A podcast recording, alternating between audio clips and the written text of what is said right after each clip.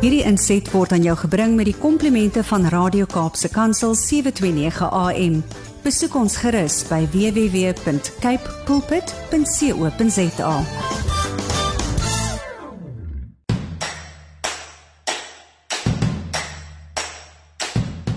Dit is die eerste Saterdag van Mei maand 2023, net na 7 en jy's ingeskakel by Kaapse Kansel 729 AM. Dit beteken jy luister na Landbou Landskap. 'n Hartlike goeiemôre van my Willem van Jaarsveld. Ek is jou gasheer tussen 7 en 8 elke Saterdagoggend op die senders van Kaapse Kansel. Vanoggend 'n regtig vol program. Kom ons kyk waarna kan jy uitsien. Om 10 oor 7 kom saad vir die saaier aan die beurt. Ons lees vanoggend Matteus 15 vers 8 met die tema praat uit jou hart uit. Kapstok is om 7:20 aan die beurt. Die eerste deel van die gesprek tussen Gerda Leroux en Johan Keiser oor moderne koöperasies word dan uitgesaai.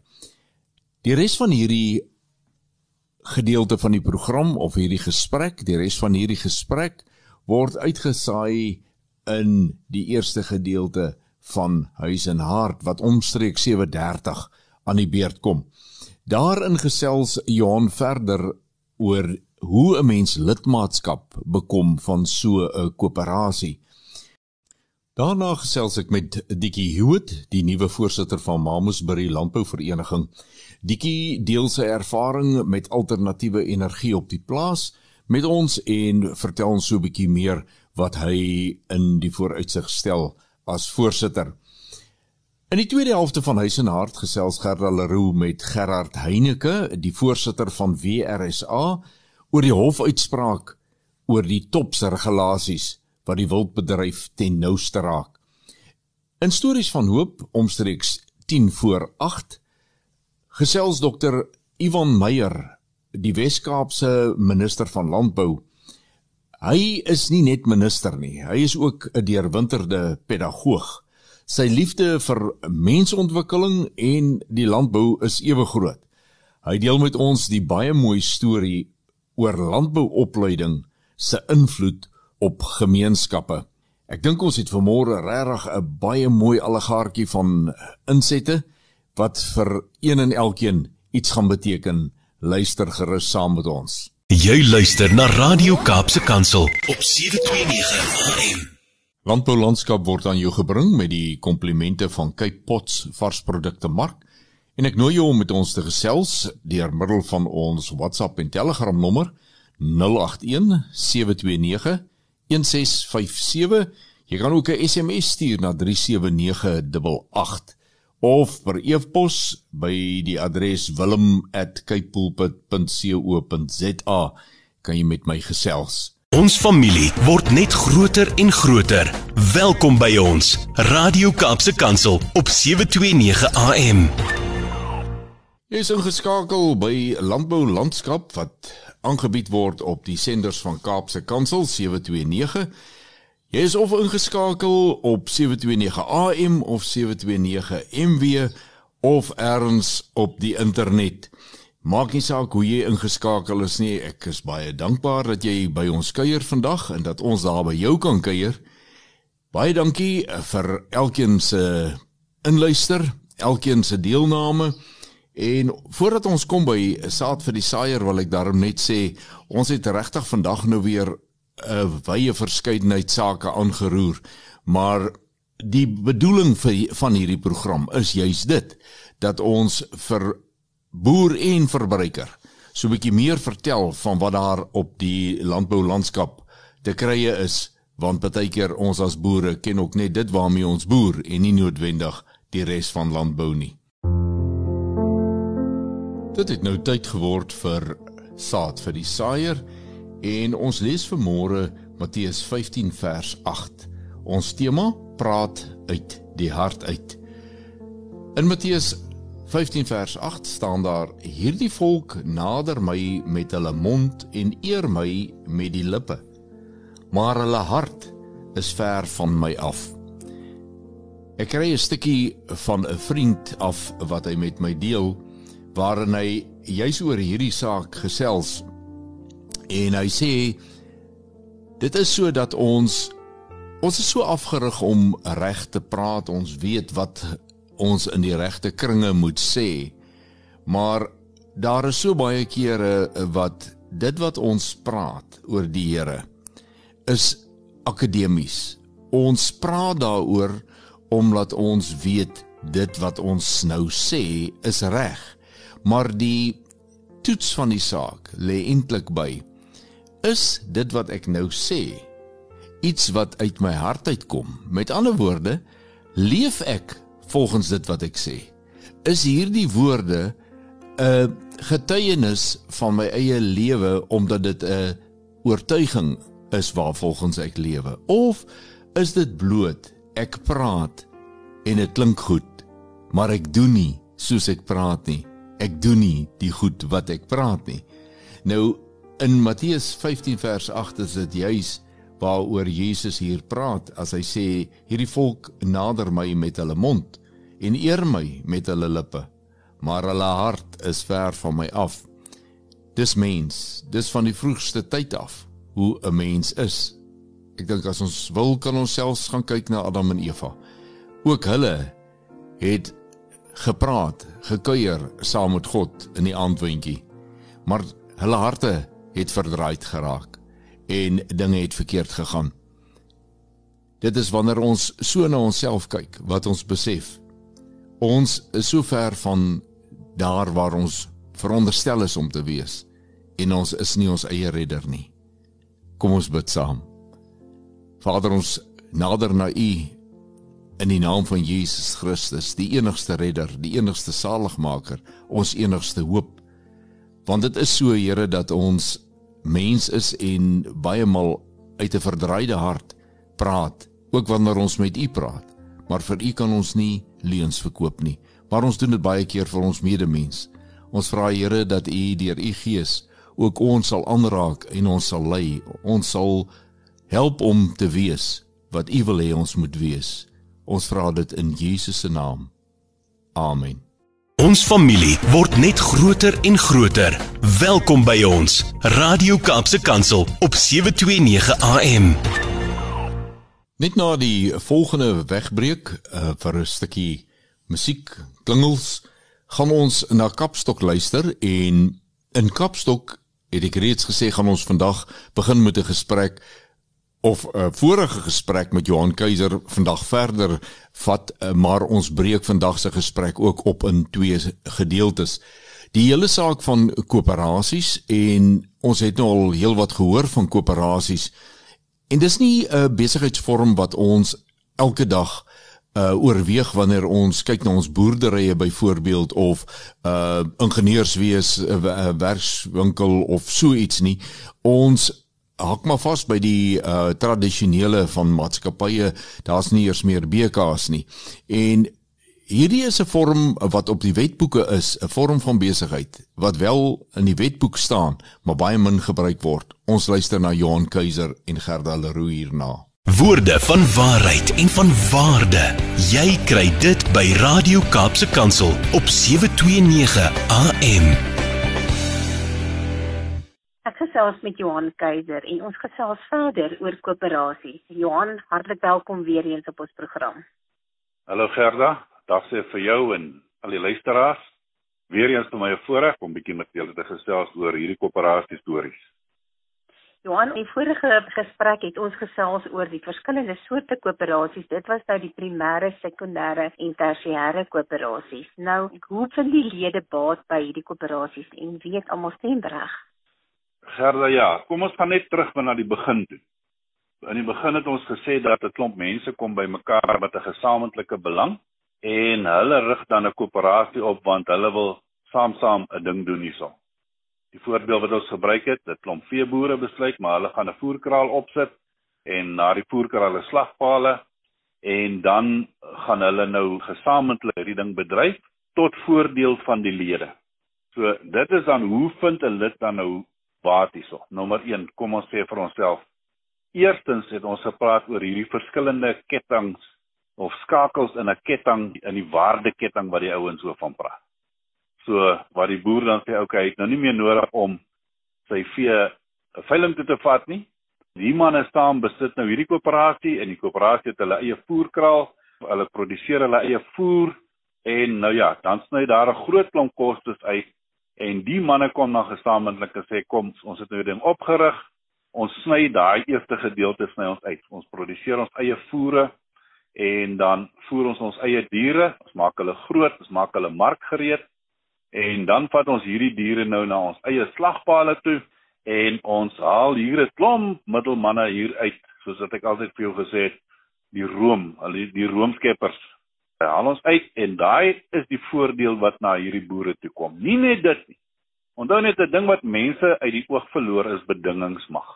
As een ou gaan en hy gaan beding jy het nou redelike groot boer en hy gebruik kom ons sê nou maar 'n 100 000 liter brandstof in 'n spesifieke tyd en sy buurman is maar 'n kleiner ouetjie hy gebruik maar net 10000 liter vir daai stelle periode. Die ou wat die 10000 liter gebruik, hy het nie jy's bedingingsmag nie. Maar as jy hierdie manne saamgooi en hulle sê maar gesamentlik gebruik ons 'n miljoen liter brandstof. Nou het hierdie manne 'n bietjie bedingingsmag hierso onder hulle. En hulle kan sê maar luister, ons koöperasie koop vir ons die brandstof aan nommer 1. Want wat jy nou gaan kry, en ek onderbreek myself nou hierso. Jy gaan 'n brandstof voorsiener kry wat nou al reeds gebeur het, wat nader gekom het en vir ons kom sê het maar hoorie, ons sien hierdie ding wat julle doen, kan ons die brandstof vir hierdie koöperasies bemark aan julle. Onmiddellik. Die manne kom nader en hulle kom sommer en sê maar luister, julle ouens koop brandstof. Ek gaan nou net sommer 'n prys vat. Julle koop hom aan vir R20 per liter. Weet jy wat ons bereid om vir julle af te lewer teen R18 per liter. Net 'n voorbeeld. Dit is die voordele wat die lede dan trek onmiddellik. Die ander voordeel wat ook hier inkom, gesamentlik het hierdie ouens nou bedingingsmag en hulle kan nou beding vir finansiering. En as ons praat dan finansiering, dan is dit op insetkoste, dit is op produksie, lenings en al hierdie goeder. So nou kan hierdie klomp ouens bymekaar kom en die finanshuise en besighede hou van sulke transaksies. Hy het nie nodig om 10 ouens te gaan sien en of 100 ouens of 1000 ouens te gaan sien nie. Hy kom sien die koöperasie en die boodskap gaan van die koöperasie af uit na hierdie manne toe. Dan kom ons by die tweede gedeelte. Omdat hierdie ou dan die geleentheid gekry het om sy produk aan die boere te bemark, dan beding die koöperasie natuurlik ook maar luister hier so 'n klein ietsie wat na my kant toe ook moet kom want ons het administrasiekoste of ons het 'n projek wat ons wil aanpak ons wil ons voerkraal byvoorbeeld bietjie groter maak en die manne het gaan bereken as hulle dan so 10 sent kan wen of 5 sent per liter kan wen in hierdie proses. Man, dan maak dit mos nou sin. Daai geld gaan na die kas toe van die koöperasie en onthou weer eens. Daai geld behoort aan die lede van die koöperasie, nie aan die direksie nie, nie aan die bestuur nie, dit behoort aan die lede van die koöperasie. In die begin van die jaar word daar begrotings opgestel, doelwitte word opgestel en hierdie ou wat hierdie koöperasie dryf of die manne wat hom bedryf, moet sien dat hulle voldoen aan hierdie vereistes of voorwaardes waar hulle in diens geneem het. Hier is ouens wat 'n gedagte het van nee, eers hierdie klomp direkteure, hulle gaan net hulle sakke vul. As dit so is, is dit absoluut die skuld van die lede van hierdie koöperasie want hulle laat dit toe. Dit moenie so wees nie.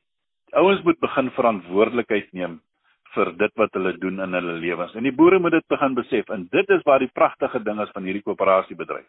Dit word bestuur en dit word onderhou en geregeer deur die aandeelhouers wat lede is en dan ook aandeelhouers is in hierdie proses. Dan sê ons nou maar goed, kom ons kom by die volgende vraag: wie het stemreg? Nou het hierdie manne die voordeel gekry en nou weet hulle stemreg. Baie duidelik weer eens en dit is hoekom 'n kundige ou moet betrokke wees. Die manne moet kom na 'n kundige persoon toe en sê: "Help ons met hierdie goed op te sit." Eintlik baie maklik, maar as jy nie die kennis het nie, dan gaan jy sukkel. Kom liewer na 'n ou toe wat weet hoe werk hierdie goeder. So uit die aard van die saak en dit is hoekom met ons lede en elke lid moet 'n aandeelhouer wees ongeag van hoeveel aandele hierdie ou hou. Dan elke persoon net net een stem. Of jy nou 10 aandele het of 100 000 aandele het, jy gaan net een stem hê. Weereens, die lede bepaal hierdie regulasie wat jy hier het. Die lede bepaal dit. Nie iemand anders nie, nie die wet nie, die lede kom en sê ons gaan hierdie ding so hanteer want bietjie later gaan ons gesels oor die nadele want ons kry vreeslik baie mense, vreeslik baie ouens wat sê ja, die koöperasies van die ou dae, ons is bevark deur die koöperasies. Dit was nie die koöperasie wat jou bevark het nie. Dit was die manne wat hierdie koöperasies gedryf het. Ons sal bietjie daar mooi gesels op 'n ander dag. So met ander woorde wie dan stemreg? Elke ou wat 'n lid is, wat aandele het in die koöperasie, hy het stemreg. Wanneer Huisenhart net hierna begin word die gesprek met Johan Keiser voortgesit en hy gesels so 'n bietjie oor lidmaatskap van 'n uh, koöperasie. En dan gaan ons ook met Dikkie Hewitt gesels. Hy is die voorsitter van die Mamasbury Boerevereniging. Baie interessante gesprek wat ek met hom gehad het oor alternatiewe energie, 'n man wat daarvan kan praat. Hy het daai pad geloop. Hy loop hom nog steeds by hom op die plaas. Gerard Heineke, die voorsitter van Wildlife Ranching South Africa WRSA, gesels oor die topse regulasies hofuitspraak en ons gaan afsluit deur na Dr. Ivan Meyer te luister wat so 'n bietjie gesels oor die wonderlike effekte, positiewe effekte wat landbouopleiding by die Bonnievale gemeenskap gehad het. Ons luister baie graag na hom. Baie baie mooi storie, 'n bemoedigende storie. Jy luister na Radio Kaapse Kansel op 729 AM. Kan jy vir ons 'n bietjie uitbrei oor die aandelehouding? Hoe verkry 'n mens dit? Goed, weer eens Gerda met 'n mens hier onthou en die mense moet dit verstaan. Hoe bekom jy aandelehouding? Jy kan kom en jy sê maar ek het 'n klompie geld en onthou net, 'n koöperasie is net soos 'n maatskappy. Wanneer mense aandele opneem in 'n maatskappy, het daai aandeel 'n bepaalde waarde. Nou baie ouens kom en sê, "Man, ons rig hierdie maatskappy op en ons gee hom net 'n waarde van 'n rand, 'n rand per aandeel." Man, ons 100 aandele, Ons is nou 5 ouens en elkeen vat so 20 aandele op en ons het elkeen ons 20 rand hier. Nou het ons elkeen 'n aandeel gekoop in die maatskappy. En hulle los dit dan. Wat die manne nie besef nie en weer eens, hier jy 'n bietjie kundige leiding nodig. Daai waarde, die oomblik as hierdie koöperasie begin bedryf, dan vermeerder die aandelewaarde in die koöperasie. Jy het 'n aanvangskapitaalwaarde van sê 'n rand dan nou maar 'n aandeel, ons maak dit net maklik. En soos wat hierdie koöperasie na 3, 4, 5, 10, 20 jaar bedryf het, het hierdie ding mos nou baie groot waarde gekry. Jy het omsette, jy het winste, hy toon winste en die lede kry hulle terugvoer en hulle voorskotte, hulle middelskotte en hulle agterskotte terug. Nou het hierdie koöperasie se waarde verander en dit is wat die manne nie moet verloor nie. Dit is soos op 'n plaas ook. Is baie ouens boer vir jare lank. En die dag as oupa besluit of wie ook al besluit behalwe nou die likwidateer, hy moet net nie besluit nie want dan gaan dit nie werk nie. Maar as oupa besluit maar ek gaan nou my plaas verkoop. Wat verkoop hy? My skoonpa het ook geboer en hy het 'n veiling gehad. En al wat oupa verkoop het daar, hy het die plaas verkoop, hy het sy vee verkoop en hy het sy trekkers verkoop. Verder het hy niks verkoop nie. En dis waar die ouens die fout maak. Daai plaas het 'n besigheidswaarde. Want oupa het wins gemaak op daai plaas. Hy het trekkers bygekoop en hy het dit gekoop en hy het uitgebrei en aangegaan En nou verloor die manne die ding uit die oog uit. Daai boerdery, jy het vaste bates, losbates, dan het jy 'n besigheid. Daai besigheid genereer mos geld, hy maak wins. En dit is hoekom dit belangrik is in die koöperasie om dit fyn te bestuur. En daarvoor het jy fynkundige mense nodig. Ons boertjies is nou nie almal so opgelei om hierdie goeders te verstaan nie. En wat ons ook aan sommer wil doen, ons wil sommer 'n ou sê, maar hy het nou bietjie boekhouding gevat op skool. Hy gaan nou sommer die koöperasie se boeke doen dit werk nie so nie. Kry vir jou 'n kundige persoon. Daai goedkoop ouetjie kos jou duur aan die einde van die dag.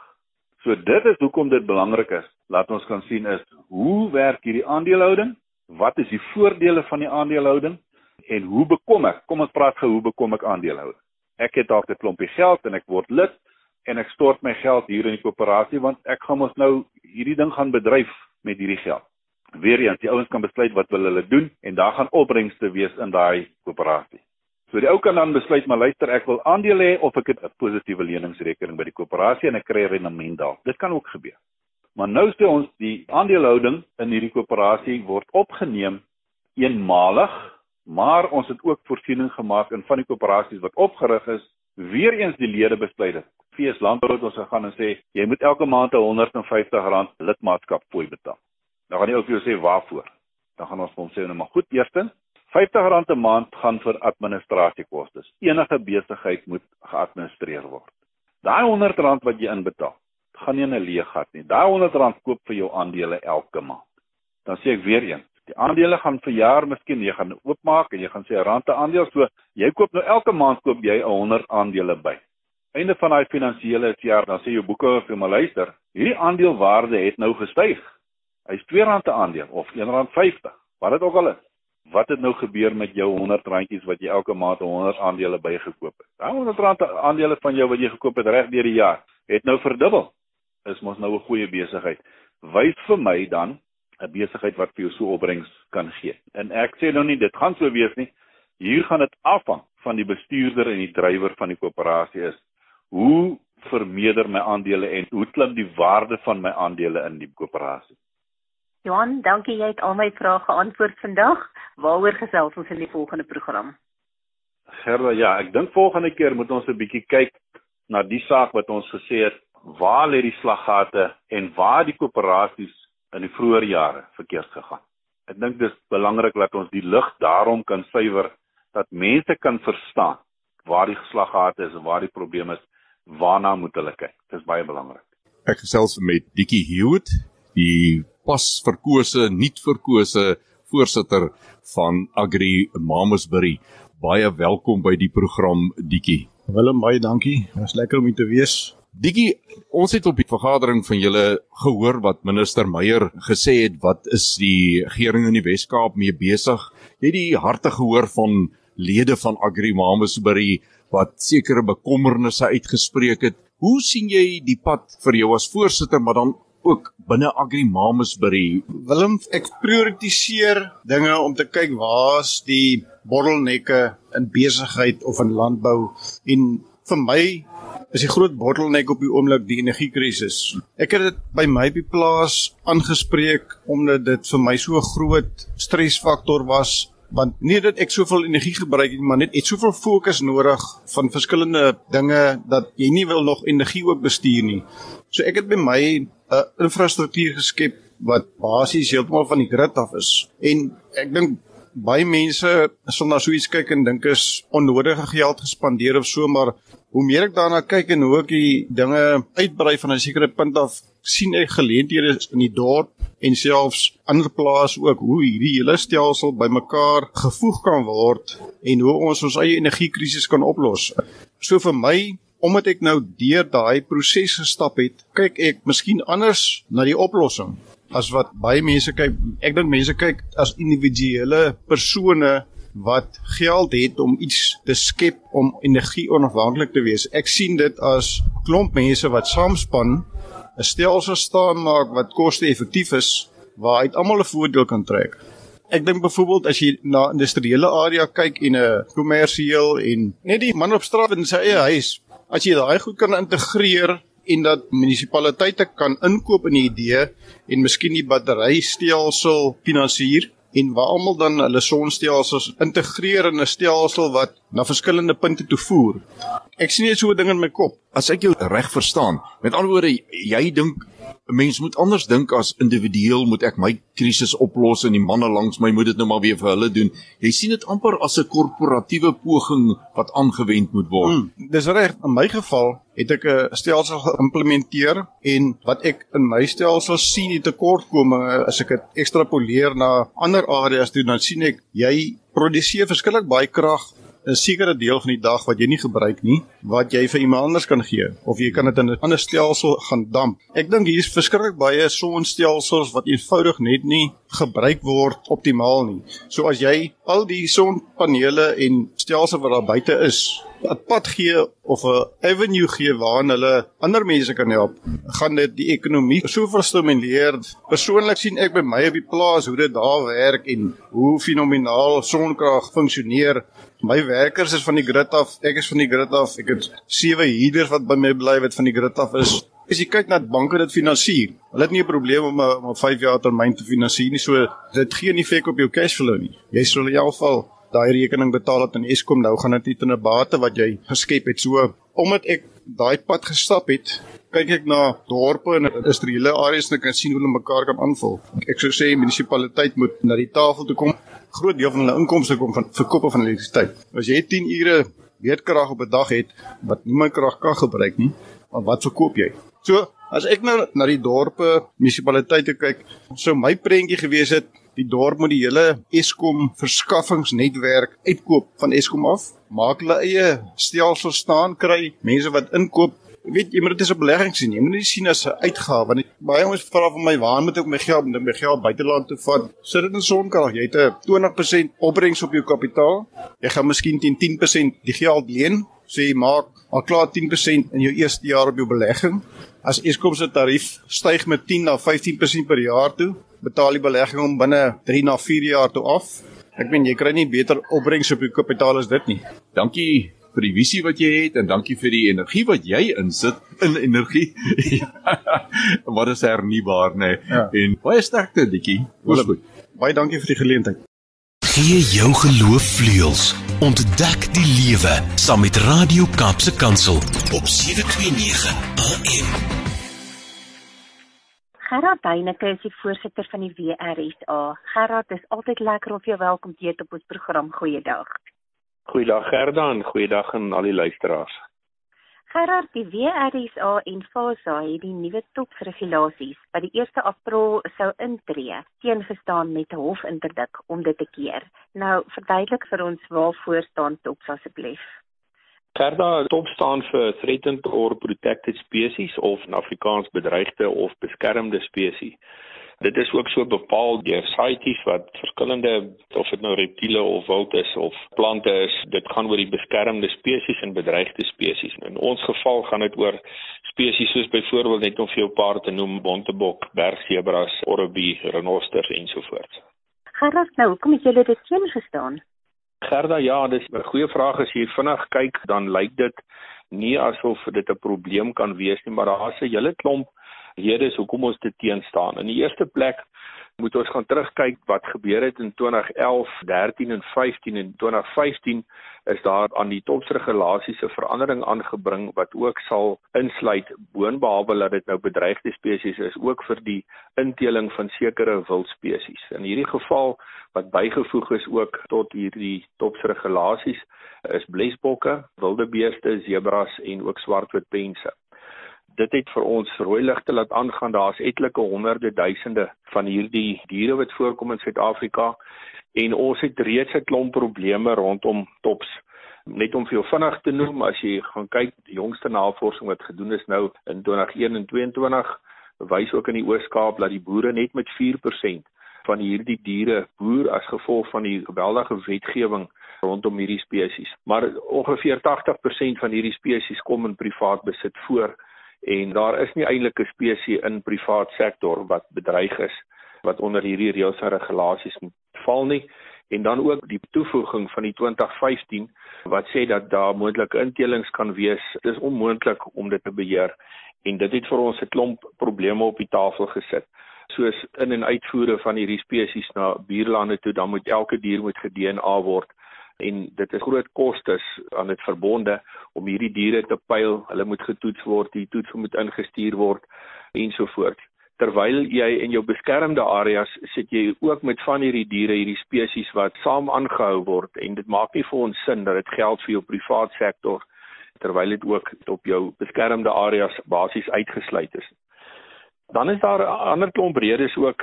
Die departement het bloot nie die kapasiteit om hierdie regulasies toe te pas nie. Daar is net nie op grondvlak genoeg kapasiteit nie. Dit is eintlik 'n onderhoud op sy eie om daaroor te gesels, maar as jy verder gaan kyk, daar's ook geen bewyse ook van die departement se kant dat hierdie intelings wel op so groot maat plaasvind dat dit enigsins 'n invloed kan hê op die spesies nie.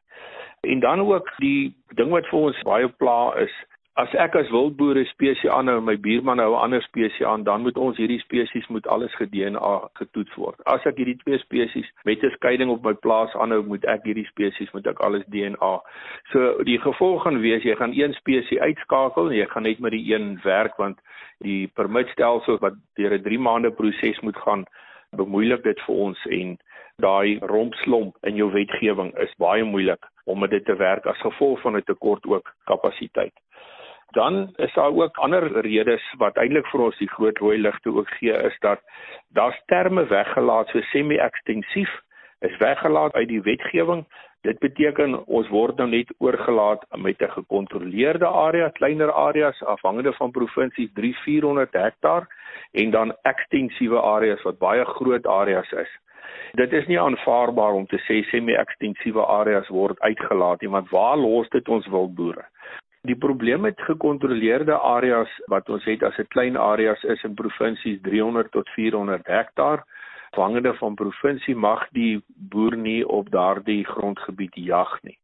Dit beteken hy kan vir die eerste oortreding 'n 5 miljoen rand boete verdien en dan met 'n tweede oortreding as hy daar jag 'n 10 miljoen rand boete of in die eerste geval ook 'n 5 jaar tronkstraf en in die tweede geval dan ook 'n 10 jaar tronkstraf wat totaal en al onaanvaarbaar is op gekontroleerde areas. As jy gaan aansoek doen vir 'n wildsplaas om 'n wildsplaas dan te kan bedryf, dan is daar sekere voorwaardes soos daar mag nie binnedrade wees, geen binnedrade wees nie. Hy mag net 'n buite omheining hê. Dit skep vir ons groot probleme rondom ons bestuur. Daar sekere dele wat jy wil beskerm of ons bestuursmetodes is sodat 'n sekere gedeelte perk ons in met heininge in goed en ook sekere spesies alhoewel dit ook groot areas kan wees maar dit sal nie meer toegelaat word in die toekoms nie. So daar's baie regte wat ontneem is van die wildboer dat hy nie meer vrylik kan boer en sy boerdery praktyke kan toepas nie. Gerard, is hier 'n oplossing vorentoe? Gerda, ja, ek dink die oplossing is om te besef dat daar wesenlike verskille is tussen jou beskermde areas en dan jou privaat sektor. Ons sit met 'n agro volhoubare biodiversiteit wildlewe ekonomie. Dit is hoe ons onsself beskryf. Ons eerste prioriteit is om volhoubaar te wees. En as ek dit sê as jy die term agro gaan kyk, dan sal jy sien dis al 'n term wat 200 jaar ook bestaan. Dit het te doen met gras, water, grond, struike, bome wat alles in verhouding tot insekte, reptiele, mense en gemeenskappe werk en daaruit kry jy 'n volhoubaarheid om te doen wat ons doen. En die pad vorentoe is om hierdie vir ons te onderhandel en te sê dit is wie ons is. Ons kan nie in die raamwerk pas van 'n beskermde area nie. Ons het ons eie raamwerk wat ons moet onderhandel en daar moet vir ons gekyk word na stel reëls en regulasies en wetgewing wat vir die wildboer, die privaat sektor geld Ons kan nie onder die beskermde areas se reëls van preservering werk nie. Ons is ekonomiese eenhede wat hierdie spesies beskerm en vorentoe vat en vermeerder. Dink dit is in kort om dit saam te vat en ons kan net nie met soos ons in Engels sê met hierdie red tape ons soek minder wetgewing op die privaat sektor. Ons moet nie van hierdie goed uitsluit uit die wetgewing nie. Ons moet met mekaar om die tafel kom waarmee ons baie sukkel. Ons sukkel met onderhandelinge ook met die staat in hierdie geval waar ons nie genoegsaam begrip het ook na die privaat sektor se kant toe nie. En dit is waar ons groot krisis lê. Ons sal dit dringend moet aanspreek en kyk of ons nie iewers meer skikking kan kry rondom die privaat sektor en die pad vorentoe vir die privaat sektor. Maar dit bygesê, ek dink weer eens soos ons al baie gesê het, 'n jong bedryf, ek dink daar's klomp goed wat ons baie opgewonde maak die innoverende stelsels waarmee ons werk, ons database stelsel is baie innoverend en dit maak 'n baie groot verskil ook vir die pad vorentoe. Ons gaan meer data hê, ons gaan meer weet waarmee werk ons, hoe werk ons, die tegnologie wat ingesit word. Ek dink aan die einde van die dag gaan dit oor ons moet hande vat en ons moet kyk wat is in belang van die mense, van ons gemeenskappe, van ons land se ekonomie en dan ook die toekoms van 'n wildbedryf wat een van die beste bedrywe in die wêreld is. Laat ons nie oormatige wetgewing instel wat nie werk en wat dit bemoeilik maar laat ons eerder minder wetgewing instel waar ons ons diere vrylik kan verskuif soos gewone wild rooibokke van die Oos-Kaap kan skuif na Limpopo sonder permitte. As die skaapboere dit kan doen, kan ons dit ook doen. En ek dink daarna moet ons indringend kyk dat ons die handel baie vergemaklik vir wildboerdery in Suid-Afrika. Gerard, ek weet jy het ook 'n paar dankies wat jy wil uitdeel. Hier is jou kans. Gerda baie dankie. Daar's altyd ondersteuning in wat 'n mens doen en die saak wat 'n mens in glo en ons wil net baie dankie sê ook vir Faza wat saam met ons gewerk het, die professionele jagters en dan ook die ander jagorganisasies wat almal sorteer onder soekhou en van die volhoubare gebruik organisasies. Baie dankie aan een en elkeen se ondersteuning. Ook ander organisasies wat ons ondersteun het in hierdie tyd. Baie dankie gesamentlik. Maak ons almal 'n groot verskil en dit is altyd goed om saam te werk en 'n groot woord van dankie van weer is aan se kant af. Baie dankie. Gerard, baie dankie vir hierdie inligting wat jy met ons gedeel het en baie geluk ook met hierdie oorwinning. Dankie vir dit wat julle in ons wildbedryf doen. Ons is saam met julle opgewonde oor die pad vorentoe. Gerard, baie dankie en dankie ook vir die luisteraars en ons praat gou weer Ek het die voorreg om met uh, eh, Dr. Iwan Meyer, die Wes-Kaapse minister van Landbou te gesels. Baie baie welkom by ons program Dr. Meyer. Goeiedag en dis baie lekker. Dokter het uh, by 'n boerevereniging vergadering gepraat oor die belangrikheid van landbouopleiding. Ek wil vra dat dokter so 'n bietjie weer ons deur daardie gesprek vat. Hoekom is dit persoonlik vir dokters so belangrik, maar ook vir die land? Wel, ek is eerstens per definisie 'n pedagoog, ek is 'n dosent van beroep en dit is vir my baie belangrik dat 'n mens moet investeer in jou mense materiaal en ook nou hier in die landbou. Suid-Afrika is 'n netto uitvoerder van landbouprodukte en om daardie netto uitvoerstatus te bereik, is dit belangrik dat ons moet investeer in die opleiding van ons agriwerkers, opleiding van ons boere en ons produsente. En daarom het ek dit my missie gemaak om meer landbou skole te vestig hier in die Weskaap, maar ook om meer landbouvakke te kry in bestaande skole, soos byvoorbeeld landboubestuur, uh, landbouwetenskap, uh, landboutegnologie is vir my baie belangrik. So ons faseer in by baie skole landbou uh vakke sodat ons meer studente en leerders aan landbouvakke kan blootstel maar ook meer landbouskole. Ons het ook baie baie belangrike landbouskole. Hier in die Weskus het ons Oxburg landbou skole ons het daar in Riversdal ook die landbouskool en Boland hier in die Parel het ons die uh, Boland landbouskool. Dis vir my baie belangrik dat ons meer landbouskole hier moet vestig hier in Suid-Afrika maar ook hier in die Weskaap. Die Weskaap primêr is verantwoordelik vir 55% van Suid-Afrika se uitvoere En daarom is dit vir my belangrik dat ons hier in die Weskaap meer moet fokus op landbouopleiding vir die jeug sodat ons meer mense kan in diens neem in die landbousektor. Vir my is dit baie belangrik Elsenburg. Elsenburg is die oudste landbouopleiding college op die Afrika kontinent dateer van 1898, 'n jaar voor die Anglo-Boereoorlog uitgebreek het. 'n Funksionele opleiding college wat ook 'n diploma aanbied, maar ook 'n graadkursus saam met die Universiteit van Stellenbosch, topvlak kursusse en ons bied kursusse aan in plantkunde, dierekunde, maar ook wyn en wingerdkunde. 98% val alle wynkelders in Suid-Afrika is hier in die Weskaap en daarom is dit vir my belangrik dat ons ook investeer in die opleiding in wyn en wingerdkunde. Dis vir ons baie belangrik. Ek wil meer van die jeug in Suid-Afrika sien in die landbou sektor want 17% van alle mense wat hier in die Weskaap werk is werksaam in die landbousektor hier in die Weskaap. Dokter, maar 'n baie interessante uh, item wat jy genoem het in die toespraak is daar waar 'n landbouskool ontwikkel is net langs 'n nedersetting waar misdaad en sosiale verval baie groot probleme was. Vat ons gou 'n bietjie weer deur daardie stappe. Wel landbou is 'n werkwoord.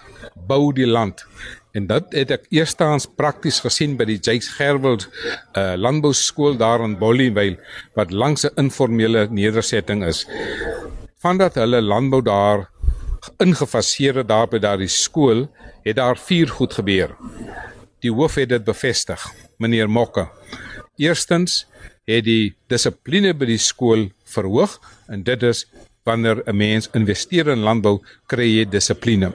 Die tweede ding wat daar gebeur het, die kinders se opvoedkundige uh prestasie, hulle punte het verbeter. Weereens, landbou maak 'n plan sodat daar mens ook jou kwaliteit van jou lewe moet verbeter. En dit is in die punte gedrag van die leerders.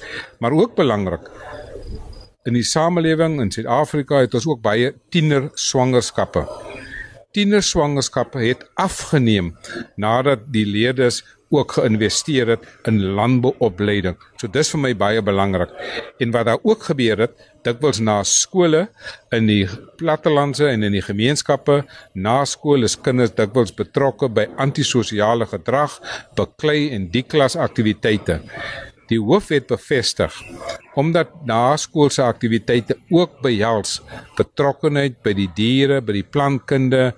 Naskool wil hulle nog met die diere werk of hulle wil landboutegnologie doen.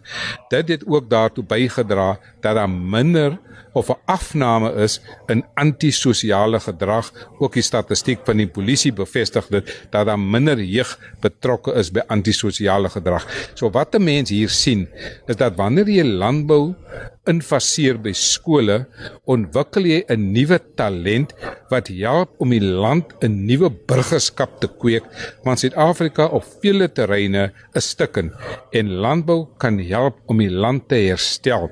Misdaad in Suid-Afrika is 'n ernstige probleem en as ons kinders meer in landbou betrokke is, dan weet ons hulle is uit die kwessies van misdaad van landbou na skool moet jy gaan en kyk na jou plante, jy moet gaan water, jy moet gaan kyk na die besproeiing of jy moet gaan kyk na jou diere vir diere siektes of jy moet die skaap gaan skeer. Daar is altyd na skool 'n aktiwiteit en die leerders selfs naweke wil nie rondloop nie. Hulle wil betrokke wees by landbouaktiwiteite en dit is die energie wat landbou loslaat positiewe energie en jy skep 'n nuwe patriotisme, jy skep 'n nuwe burgery, 'n burgery wat landbou verstaan, die land moet herbou word.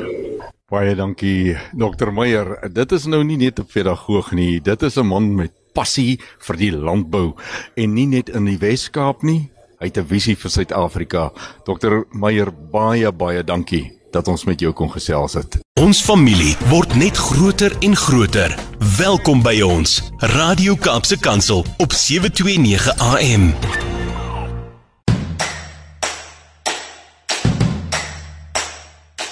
Ek glo en vertrou dat jy iets in hierdie program gevind het vanmôre wat vir jou nuut was, iets wat jy 'n bietjie aan kan gaan kou. Dankie dat jy saamgekuier het hier op die Saterdagoggend, vroegoggend. En elke Saterdagoggend is ek hier met Landbou Landskap tussen 7 en 8 op die senders van Kaapse Kansel 729. Ons sê baie baie dankie aan Kyk Pots varsprodukte mark vir hulle wat dit moontlik maak dat ons hierdie tyd geleef op hierdie sender kan gebruik vir landbou sake. Ek nooi jou om saam met jou vriende en jou familie volgende Saterdag weer so te maak. Kom kuier gerus. En intussen kan jy met ons gesels by die nommers en die e-posadres soos wat ek reeds gegee het. Ek hoor baie graag van jou. Hoor wat is dit wat jy wil hoor op hierdie uh, program? Waarvan hou jy wat ons uitsaai en dis meer en dis meer? Dan is dit twee rigting verkeer as jy met ons daaroor sal gesels. Tot ons dan weer saamkuier volgende Saterdag om 7. Groet ek Willem van Jaarsveld en mag jy elke oomblik Vader se guns op jou lewenspad beleef. Bly ingeskakel vir die res van ons programme, maar van my kant af is dit wederom.